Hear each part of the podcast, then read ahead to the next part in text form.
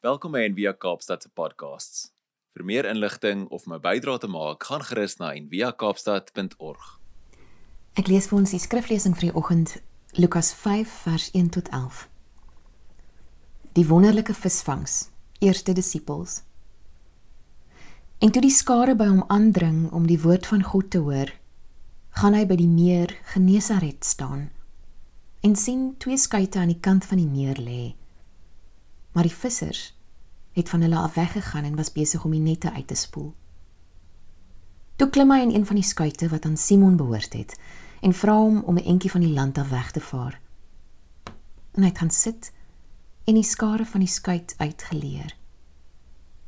En toe hy ophou met spreek, sê hy vir Simon: "Vaar uit na die diep water en laat julle nekte sak om te vang."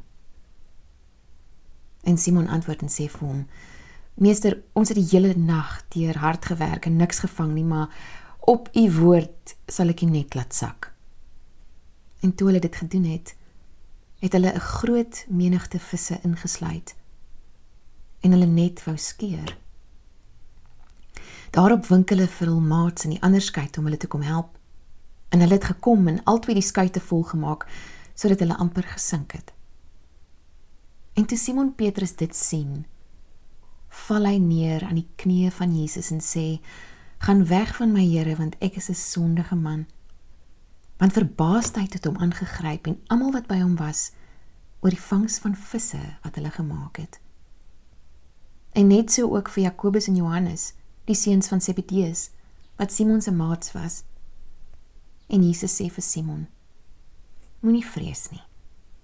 Van nou af sal jy mense vang. En nadat hulle die skuite aan land gebring het, het hulle alles verlaat en hom gevolg. Tot sover. Kom ons bid saam julle. En dankie Here Jesus dat ons kan saamkom op hierdie manier in hierdie tyd. Dankie dat ons vandag weer opnuut kan dink aan aan wie is en wat hy kom doen het vir ons en wat hy ons na toe uitnooi. Wees met ons wanneer ons sny woorde luister en weer saam praat. Ons loof U naam. Amen. Ons is op die oomblik uh, nog steeds in die tyd van Epifanie. Epifanie, Epifanie, nie Epifanie. En hierdie tyd is die tyd na die fees van Epifanie is die 6de Januarie gewoonlik en dit herdenk die die wyse manne, meise, wyse mense wat na Jesus toe gekom het, Jesus en Maria en hulle kom besoek het en die geskenke gebring het en so. En daai gebeurtenis is soos een van die eerste gebeurtenisse wat iets wys van wie Jesus is, van sy goddelikheid, soms soos 'n openbaring wat hierdie hierdie magi, hierdie wyse mense beleef het. En dan um, die tekste wat volg tussen uh, die fees van Epifanie en Lent of Aswoensdag het alles te doen met wie Jesus is, soos die openbaring van wie hy is, wat hy gekom het gekom het om te bring om die lig wat hy gebring het. Dis die lig wat in die wêreld ingekom het met Epifanie, die fees, die ster, daai hele simboliek en dan hoe daai lig dan uitsprei en hoe dit dan bekend word dit wat Jesus se plan is en dit wat God se se God se plan is natuurlik. So die leesrooster wat ons volg, beweeg so deur al daai tekste en vir 2022 het ons besluit om seker af die meeste te fokus op die evangelies om regtig te fokus op die persoon van Jesus en wie Jesus is en wat hy kom doen het. Hierdie interessante enigmatiese vreemde rebelse karakter wat ons nou al vir 2000 jaar lank aanhou om uit te pak en uit te pak en uit te pak. So die teks speel af is die toneel waar Jesus vir Petrus van die ander disippels roep en waar hy hulle hy hulle roep om te volg en waar Jesus die wonderwerk doen van die vis wat vermeerder. En ons vind Jesus in hierdie toneel en ek wil jou regtig uitnooi om jouself in daai toneel in te verbeel vandag. So in in vers 5 dan sien jy Petrus of Simon op daai stadium wat sê ehm um, meneer ons het die hele nag deur gesoeg sonder om iets te vang maar op u woord sal ek die nette uitgooi. So Jesus sê vir Petrus gooi gooi weer die nette uit. Probeer nog een keer. En Petrus is moeg en dik vir hierdie storie en hy sê oké, okay, maar ek sal nog een keer, ek sal nog een keer. Ons het die hele nag deur gestoei en gesoeg en gewerk, maar ek sal nog een keer. So visvang, so 'n bietjie konteks. Visvang is 'n moeilike storie in die antieke tyd. Wel, ek dink jy vandag veel makliker is nie, maar visvang is 'n moeilike storie in die antieke tyd. So die keiser was heer, reg? Caesar is lord. Daai is belangrike frase om te onthou wanneer jy die Bybel lees. Caesar is Lord. En daai was as die slagspreuk amper van die Romeinse ryk dat die keiser is in beheer. En die keiser was spesifiek ook in beheer van die see en die land. Dit is al sover om te sê die see en die land behoort aan die keiser. En gevolglik ook dan die vis, reg? Die vis in die water, die vis in die see. So Die ehm um, en as 'n visser moes jy as jy 'n nou vis gevang het, dan moes jy tot 40%, 40% is 'n super tax belasting betaal op jou vangs. So en hierdie belasting is natuurlik ingevorder deur die alomekende tollenaars. Die tollenaars wat gesit het in die tolhuis, sommer so by die kaai en as die vissers bootjie daar intrek, dan sal hulle of betaling vat vir die vis of letterlik net soos 40% of wat ook al persentasie van daai vis gevat het op die waans gelaai het vir die Romeine en dit weggevat het na die Romeinse stede toe of waar ook al. So wat interessant is is Matteus was heel moontlik een van hierdie tollenaars. Ons weet hy was 'n tollenaar en ons weet in Markus 2 wanneer Jesus die teks sê wanneer hy van die see af terugloop, dan loop hy verby die tolhuis waar Matteus gesit het en dan roep hy hom en dan roep hom ook om hom te volg. Net nadat hy en in hierdie gedeelte in Lukas, net nadat hy vir Simon hulle geroep het en die vissermanne geroep het, dan roep hy vir Matteus ook. So kan jy dink hoe lekker daai dinamika is in in in daai span. As jy nou dink jy span by jou werk of jy span by jou kerk of wat ek al is kompleks en vreemd. Dink 'n bietjie aan daai een. Jy die jy die vissermanne aan die een kant en ook die tollenaar wat van daai selfde vissermanne uh, belasting geëis het, swaar belasting geëis het uh wat in dieselfde span is wat nou moet saamwerk. So kan jy dink hoe Petrus en al die ander disippels moes voel weet daaroor. So en om dit tog erger te maak, boonop dit moes jy ook nog soos 'n vislisensie koop by die Romeine om te mag visvang, om 'n besigheid te mag hê. En baie keer het ons ook al gelees en so dat hierdie dat hierdie uh, vislisensie kopery was ook eintlik maar 'n omkopery om een in die hande te kry of dit was baie duur geweest. So mense het soos half hierdie klein co-ops gevorm. Soos Petrus hulle saam met saam met ehm uh, die ander disippels saamgewerk want hulle het een lisensie en dan werk hulle al saam om hierdie om hierdie ding te maak werk. So dit is 'n uh, eh, dis dis tricky en dis moeilik en ehm um, jy dis is soos 'n amper 'n weet jy, jy sukkel om al 'n bestaan te maak. Amper so 'n bestaansboerdery, 'n bestaansvissery. Jy kan net maak net genoeg, kom net genoeg, kom net net net oor die weg en dan moet jy nog al hierdie swaar belasting op betaal. En ek dink wanneer ons net so 'n bietjie stil staan vir 'n oomblik en ons en ons probeer onsself regtig in hierdie in hierdie prentjie in. Jy sien hierdie vissermanne wat die heel nag probeer het om vis te vang, om vir hulle gesinne te sorg, om vir hulle self te sorg en niks gevang het nie. En Jesus wat in daai prentjie inloop dan is dit baie keer kan ons maklike vergelyking trek met ons lewens vandag, nê? Nee, so ons ons lewens vandag is ook soms baie moeilik en dis 'n gestoei om genoeg in die hande te kry. Dis 'n bekleierery en jy moet vorentoe beer die hele tyd soos soos die vissermanne, soos Petrus en en al sy makkers.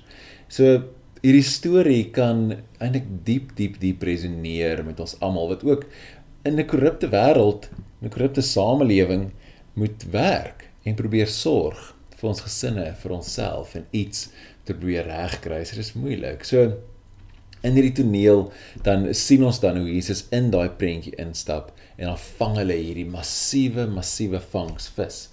En dan roep hy ook vir vir Petrus en sê volg my. En Petrus se woorde staan vir my so uit. Petrus eh, hy sien vir Jesus en hy weet dit is al so sekerlik so oor oorstelp en uh, oorweldig deur wat net gebeur het Ek meen as jy al gekyk het, um, ek weet dit is populêr geweest so jare wat terug die uh, The Chosen, die reeks. Dan kan jy hierdie hierdie verhaal of hierdie hierdie toneel eintlik so mooi sien uitspeel. En uh, die ou wat Petrus speel, speel hom eintlik so goed.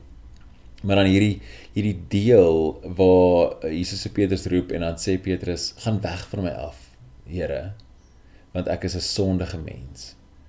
Is so dis so hartverskeurende. Dis iemand wat wat weet of wat voel hy is nie goed genoeg nie.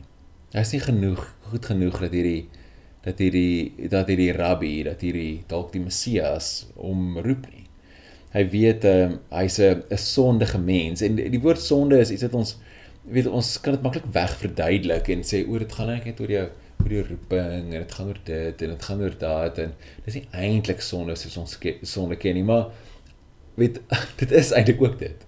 Dit sonde is ook sonde soos ons sonde ken soos ons sonde in die ou dae geken het soos immoreel wees soos goed doen wat nie wat nie reg is nie soos goed doen wat eties nie korrek is nie. Dis dis ook sonde. Moet voel vreemd om dit weer mense te moet herinner daaraan maar daar is goed in die wêreld wat net eenvoudig nie reg is nie, gedrag wat nie reg is nie.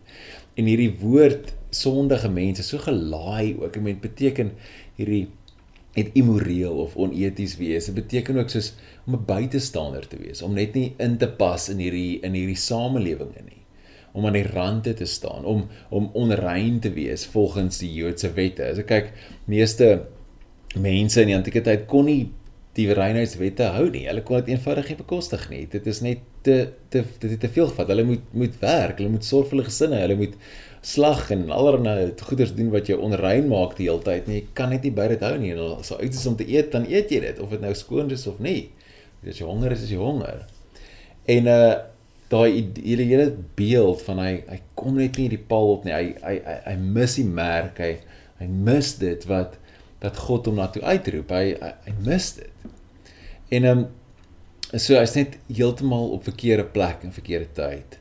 En dit wys daai sin, Here gaan weg van my af. Dis so intens. Dis so hard. Dis hoe is hoe Petrus homself sien. Nie nie waardig nie. Hy hy maak dit nie in soos enige van hierdie kategorieë nie. En ons ons voel so, ek voel so. Laat jy dit nie maak nie. Of ten minste nie altyd nie. Dat jy al net sulke groot gapings is in jou lewe wat jy dink, Here, ek nee, ek ek maak dit nie. So ek wil jou so 'n bietjie innooi dieper in Simon Petrus se lewe in vandag. Hier waar hy wonderbewonder 'n sondaar die son op die strand geroep word deur 'n rabbi en waar hy net so sy nette los en alles los en hom volg in hierdie storie en hierdie verhaal in. So, so 'n bietjie antieke geskiedenis en konteks. So hierdie mag jy dalk ken, maar daar's eintlik 'n bietjie van 'n draai aan die einde. So luister mooi saam. So daar word baie keer vertel of in boeke geskryf en predikers sal vir jou vertel en sê dat dat Joodse seuns en selfs meisies ook na skole toe gegaan het in die sinagoges in Jesus se tyd, hè. Nee?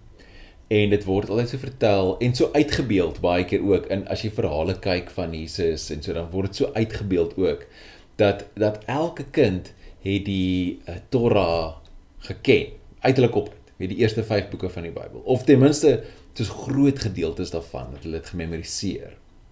En hierdie hierdie het gebeur in hierdie skole. Die die skole en skole het name gehad of vlakke. Daar's so dan of na wie jy kyk en wie jy luister of wat jy lees, maar 2, 3 vlakke. So Bet Sefer is een wat kan op almal gedoen het. Amper soos 'n vroeë laerskool en dan gaan jy deur dan dit na Bet Midrash of 'n Bet Talmud en dan volgende vlak net die bestes gaan deur en net die bestes gaan deur en op die ou ende net die bestes van die bestes weet kan durf om 'n rabbi te vra of hulle hulle kan kan kan volg, nê. Nee. So hier is 'n mooi storie, nê. Nee. Dis 'n is 'n great storie. Dan dink jy, "Jo, weet net die beste van die beste studente mag rabbi volg." So beteken nou dat dat Petrus is nou nie die beste van die beste nie, maar die rabbi vra hom om hom te volg. So dis hierdie weet die rabbi ag hom hoog. En alhoewel hierdie ek meen dis korrek dat jy het jy het nooit 'n rabbi nooit jou gevra nie. Jy het 'n rabbi gevra. Daai deel is korrek, maar die die die prentjies van sulke kinders wat die Torah se opsê uit hulle kop uit, hè, het eintlik 'n hele paar uitdagings. Soos een, ons het daar's bitter min indikasie dat dat baie mense geletterd was. Meeste mense kon nie lees of skryf nie, reg? So tensy mense dit oral oorgedra het en hulle het mekaar dit so geleer en rympies opgesê en rympies opgesê, dalk, nê? Is moontlik.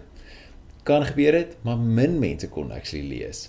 So buiten en die tweede ding, buiten die fariseërs in die tyd van Jesus het was Joodse spiritualiteit nie ge, so gebonde aan die teks nie. Dit was gebonde aan die aan die tempel. Hulle het nie so baie belang gestel in al die wette nie. Die Fariseërs was soos al vir hierdie hierdie nuwe beweging in die tyd van Jesus. Dit is vreemd vir ons om te dink aan iets wat 'n nuwe beweging is, maar hierdie nuwe beweging wat begin het wat besluit het ons moet fokus op die wet, ons moet die wet hou, reg?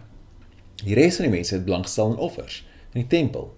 En dan ook so nog 'n ding wat kan 'n bietjie hak in hierdie mooi kan 'n idilliese verhaal is die beskrywing van hierdie skole, die Bet Sefer, Bet Midrash, Bet Talmud, daai die skole van studie, die skole van leer, is soos kry ons eers in die in die Mishnah. So die Mishnah is 'n dokument wat so in die 3de eeu, 200 jaar 200 bymekaar gesit is en die dis een hele tyd lank na Jesus En tweede is in die tyd na die tempel.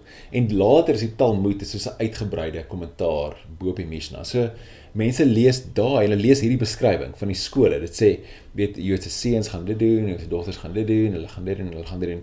Hulle lees hierdie beskrywings en lees dit dan terug in die tyd van Jesus in. Nou hierdie Mishnah en die Talmud is saamgesit deur 'n klomp rabbies. Ons noem dit soos die rabbiniese literatuur, reg? So So en hulle het 'n agenda gehad want na die val van die tempel in 70 AD toe die Romeine besluit het ons is nou goed keelvol vir die Jode ons gaan nou Jerusalem gelyk maak met die grond na dit het hulle krisis gehad. Toe dink hulle maar hoe gaan ons nou wat gaan ons ons spiritualiteit op baseer? Hoe gaan ons hierdie hele ding doen? En um, die rabbies het mekaar kom die fariseërs en gesê kom ons kom ons bou dit rondom die wet kom ons bou dit rondom die Torah. Ons kan dit nie bou rondom offers nie want ons het nie 'n tempel nie. So kom ons bou dit rondom dit. Nou is die enigste groep wat eintlik wat eintlik ehm um, dit oorleef het. Die Sadduseërs is weg. Hulle was die adellikes, so hulle is almal weggevoer of doodgemaak.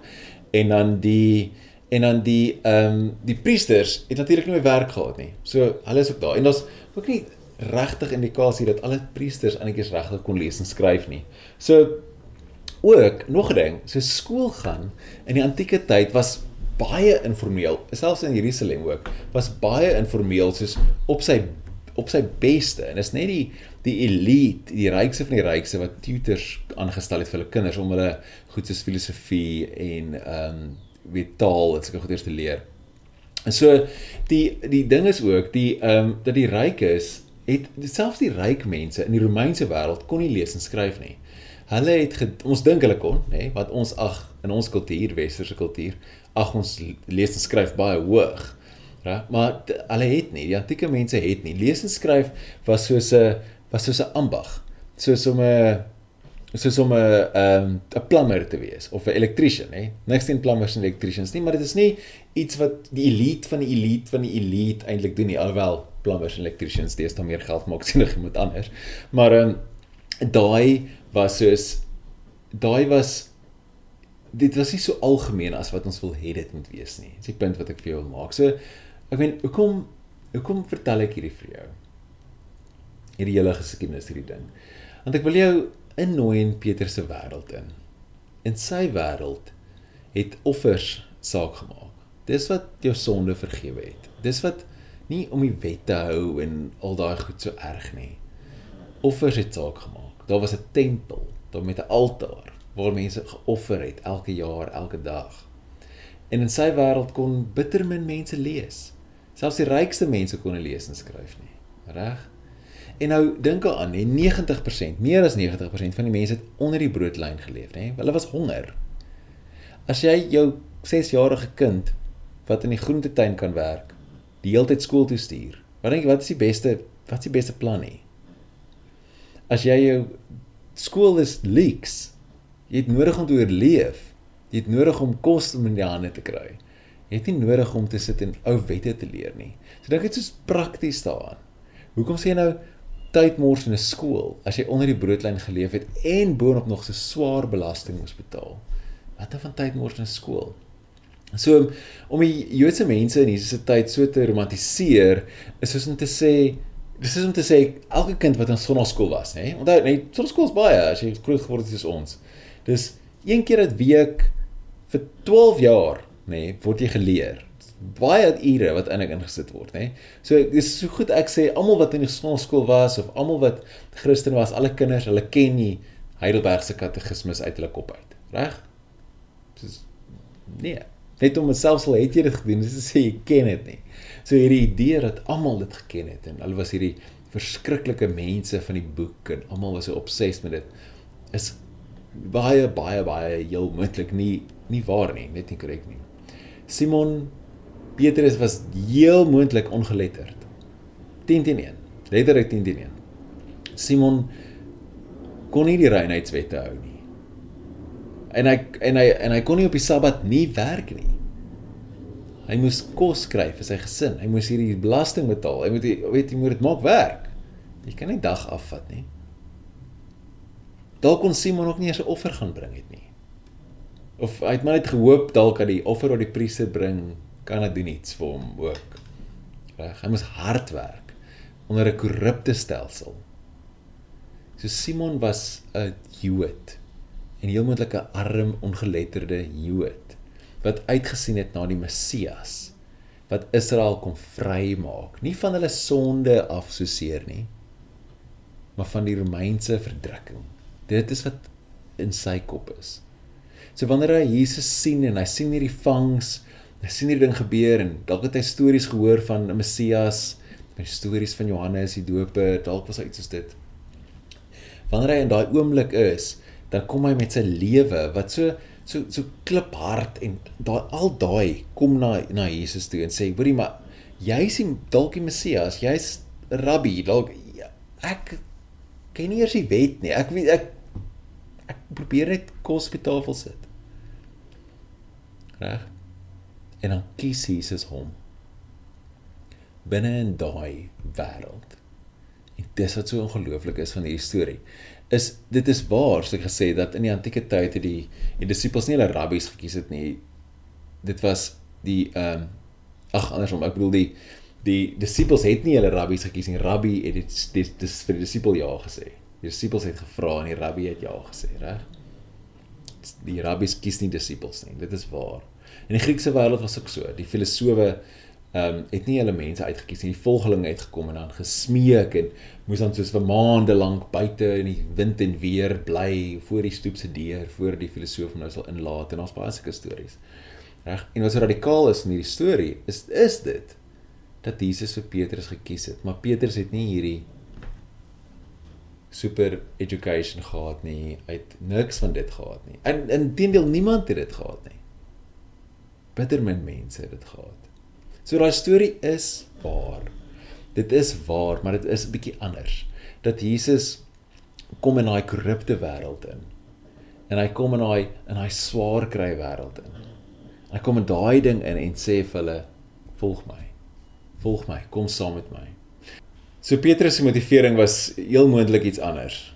Ehm uh, Petrus se motivering was heel moontlik nie om Torah te leer nie, maar eerder om dat Jesus dalk die Messias is, dat hy gaan klaar speel met hierdie Romeine dat hulle gaan vrykom van hierdie belasting, van hierdie swaar kry, van hierdie moeilikheid Israel weer gaan bo wees. Dis dalk wat dit is. Nee. Maar wat ek wil hê jy moet sien is nie hierdie ideale Joodse kultuur en die rede hoekom Petrus dink hy is nou goed genoeg nie of Jesus hom kies nie is omdat hy nou net so goed is soos die ander wat so baie geswat het nie. Die rede hoekom ek dink Petrus agter Jesus aanloop, is omdat Jesus hom roep in sy swaar kry. In sy sonde. Ek dink daai is mooi. En dis wat dit so anders maak, is Jesus Jesus is anders. Jesus kom na ons toe. Jesus kies ons. Hier soos in ons omstandighede. Hier net soos ons is. Hierdie hierdie belaglike idee dat ons iets moet doen, iets kan doen om hierdie ewige hamsterwieletjie vasgevang is om iets te kan regkry, iets goed te kan doen is is belaglik. Dat ons dat ons enigstens genoeg kan doen dat God ons kan raak sien, dat ons liefde kan kry. Dis die leuen wat ons almal glo. Wat ons heeltyd probeer bewys, reg? Daai idee dat in Engels klink dit vir my so mooi, mense wat iets moet prove. En ons verskil tussen mense wat iets moet bewys, iets prove, en mense wat wil improve. Wat wil beter raak. En ek weet nie of Petrus aan die begin gedink het hy gaan beter raak nie. Dalk wou hy net wen. En dis ook oké. Okay. En Jesus kom in daai wêreld in. En dis wat so great is. Wanneer ons die teks dan nog so 'n bietjie nader kyk, dan sien jy hoe oorvloedig Jesus hulle hulle seën. So groot klomp vis gevang dat hulle nette wou skeer, nê? Nee? Hier is so 'n steekie na die Romeine toe, nê? Nee? Onthou die vispoort in die keiser, reg? Hier sê Jesus, gooi daar, gooi daar. Vang jy al die keiser se vis. Dalk is daar iets aan. 'n Klein bietjie kommentaar oor wie Lord is, wie die ware Heer is, aan wie die vis eintlik behoort. Jesus gee in oorvloed. In Johannes Evangelie die hele tyd lewe in oorvloed. Jesus maak altyd te veel, te veel vis, te veel brood, te veel wyn, te veel lewe. Jesus maak baie van alles. En in vers 7 staan ook my so uit in hierdie teks dit sê hulle wink toe vir hulle maats. Ek hou van daai vertaling. Hulle wink, wink toe vir hulle maats en die ander skei toe kom help. Hulle het gekom en albei die skei het so vol gemaak dat hulle amper gesink het. Kyk as hulle een skei probeer volmaak het, het hy verseker gesin. En ons les in dit ook, nê? Wanneer die oorvloed ons tref, wanneer oorvloed ons tref, ons almal kry tye van oorvloed. Deel ons dit met ander, met mekaar. Kerk is 'n plek wat deel. 'n Plek waar niemand iets besit nie, maar ook niemand iets kort nie. Dis die ideaal. Ons is saam. My menswees is verweef met joune. Hier is nie 'n solo sport nie. So die uitnodiging hier is, waar vind jy jouself vandag? Hierdie jaar. Moeg. Uitgeput. Dis nou eers Februarie. Volg my. Sê Jesus. Vra Jesus. Jy heeltemal uitgeput. Op. Soos ou brood. Volg my. As jy kwaad, as jy dit net nie maak nie dat dit voel of jy teen die golf van korrupsie moet veg elke liewe dag. Volg my. Voel jy soos 'n sondaar? Net alles wat daai woord beteken. Voel jy soos 'n buitestander, onrein, ongeletterd. Volg my. Kom ons bid saam, julle. Dankie Jesus dat U ons roep U kom na ons toe in ons moeilike uitdagende omstandighede, in ons moegheid, in ons vrees en in ons sonde en vir ons sê volg my. Selfs al is ons verwagtinge verdraai en verkeerd en de mekaar weet U wat U vir ons beplan. Ons loof U naam. Want U is die Here. Amen. Jy kan jou hande so uitsteek en die seën ontvang. Mag jy net daar waar jy is, Jesus se woorde hoor. Volg my. En mag jy jou nette los en opstaan en agter hom aanloop. In die naam van die Vader, die Seun en die Gees. Gaan in vrede. Amen. Dankie dat jy saam geluister het vandag. Besoek gerus en via kaapstad.org vir meer inligting.